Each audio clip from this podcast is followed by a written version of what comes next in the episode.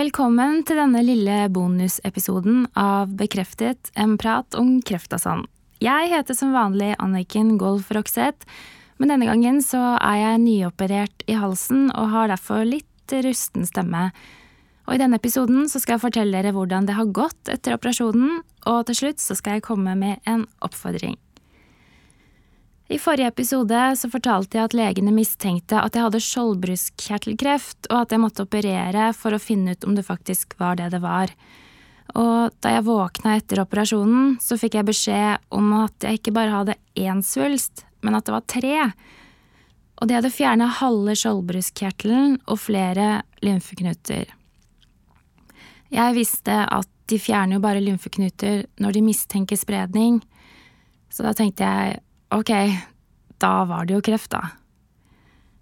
Og i tillegg så ville legen plutselig doble lengden på sykemeldinga mi. Og jeg bare hæ, hvorfor det, det har jo ikke tid til. Og så er det jo sånn at man overanalyserer alt legene sier, så jeg tenkte hvorfor, hvorfor vil hun plutselig doble lengden på sykemeldinga? Og så tenkte jeg åh, det er jo fordi at hun også tror at jeg kommer til å få en kreftdiagnose snart, og at da vil jeg sikkert trenge å være sykemeldt enda litt lengre. Dagen etter operasjonen så dro jeg hjem, og da begynte den forferdelige ventetida. Fram til operasjonen så hadde jeg bare jobba, hadde ikke hatt tid til å tenke over hva som egentlig skjedde, og så kom jeg hjem, var i dårlig form fordi jeg var nyoperert, og så var jeg plutselig alene hele dagen fordi Erlend var på jobb og jeg lå hjemme, og da kom alle tankene og følelsene og sånn flashback av alt jeg har vært igjennom før, kom og skyllende over meg som en tsunami og traff ganske hardt. Og minuttene føltes uendelige, jeg var rastløs, frustrert og sint og venta og venta og venta på å få dette prøvesvaret, og jeg bare Åh, samme hva det er, bare gi meg noe å forholde meg til. Er det kreft, ok, da kan jeg i hvert fall begynne å lage en plan. Er det ikke kreft, ok, da kan jeg leve livet mitt videre, men å være i dette vakuumet, det er bare helt uutholdelig. Og så hadde de sagt at det var fire til seks ukers ventetid på prøvesvarene. Vanligvis tar det jo bare 10–15 dager, men på den avdelinga var det lang ventetid, og det føltes som et helt uendelig tidsperspektiv. Men jeg hadde i hvert fall sagt at de ikke skulle kalle meg inn til time når de visste noe, de skulle bare ringe meg i samme sekund og så skulle jeg ta telefonen uansett hvor jeg var. Og mens jeg venta, så ville jeg ikke treffe folk, ville bare være hjemme alene og være sur, ikke ta på meg noe gladansikt, for jeg kan håndtere mye, men ikke å vente på prøvesvar. Og midt oppi dette så begynte hunden vår å bli syk, og jeg måtte dra til veterinæren. De tok et eh, røntgenbilde av han, og det viste at han hadde en stor svulst i lungene. Så jeg bare ok, har hun også svulst nå, da? Dette baller jo på seg. Um, og så tok de han ut for å ta en blodprøve, så jeg ble sittende igjen på et rom aleine. Og da ringer sykehuset. Og jeg bare, du tuller med meg, det går ikke an at jeg og hunden min skal få beskjed om at vi har kreft på samme dag. Og så skal jeg liksom komme hjem til Erlend og si at vi begge har kreft, vi er bare en familie på tre, og så har plutselig to av oss kreft, det går jo ikke an. Men så var jeg jo så nysgjerrig at jeg klarte jo ikke la være å ta den telefonen, så jeg svarte og venta, og så sa legen Anniken, jeg ringer med gode nyheter. Og jeg bare nei, det er ikke sant. Jo, vi har analysert alt materialet og ikke funnet noe kreft.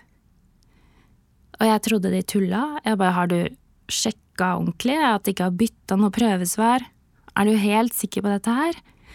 Vi er helt sikre, og vil bare gratulere med godt prøvesvar.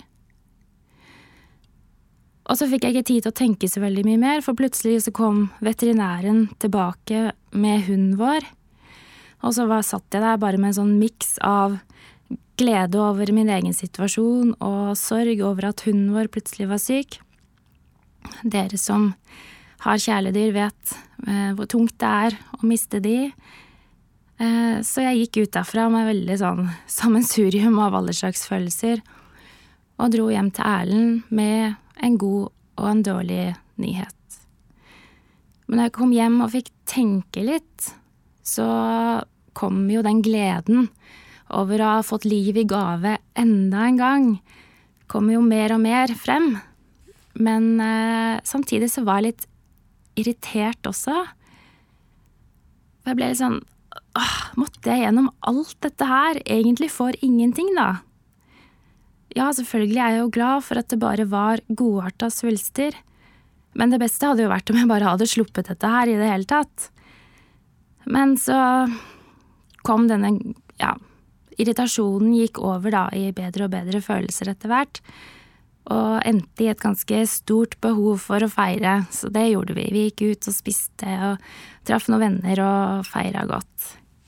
Og det er liksom grunnen til at vi har denne bonusepisoden, det er for å fortelle at selv om det ser mørkt ut, og ting peker i en negativ retning, så kan det faktisk gå bra.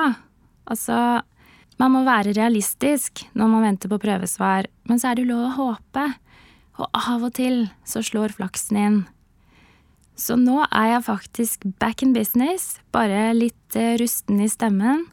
Og apropos stemme, jeg har en oppfordring til dere, og det er at vi håper jo at det skal bli en sesong til med podkast. Så hvis du har et tema som du ønsker vi skal ta opp, eller du har en historie å fortelle, så må du sende en mail til post at ungkreft.no. Vi ønsker oss også tilbakemeldinger. Hva har du likt ved podkasten?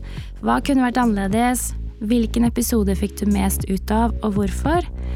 Vi håper å høre fra deg.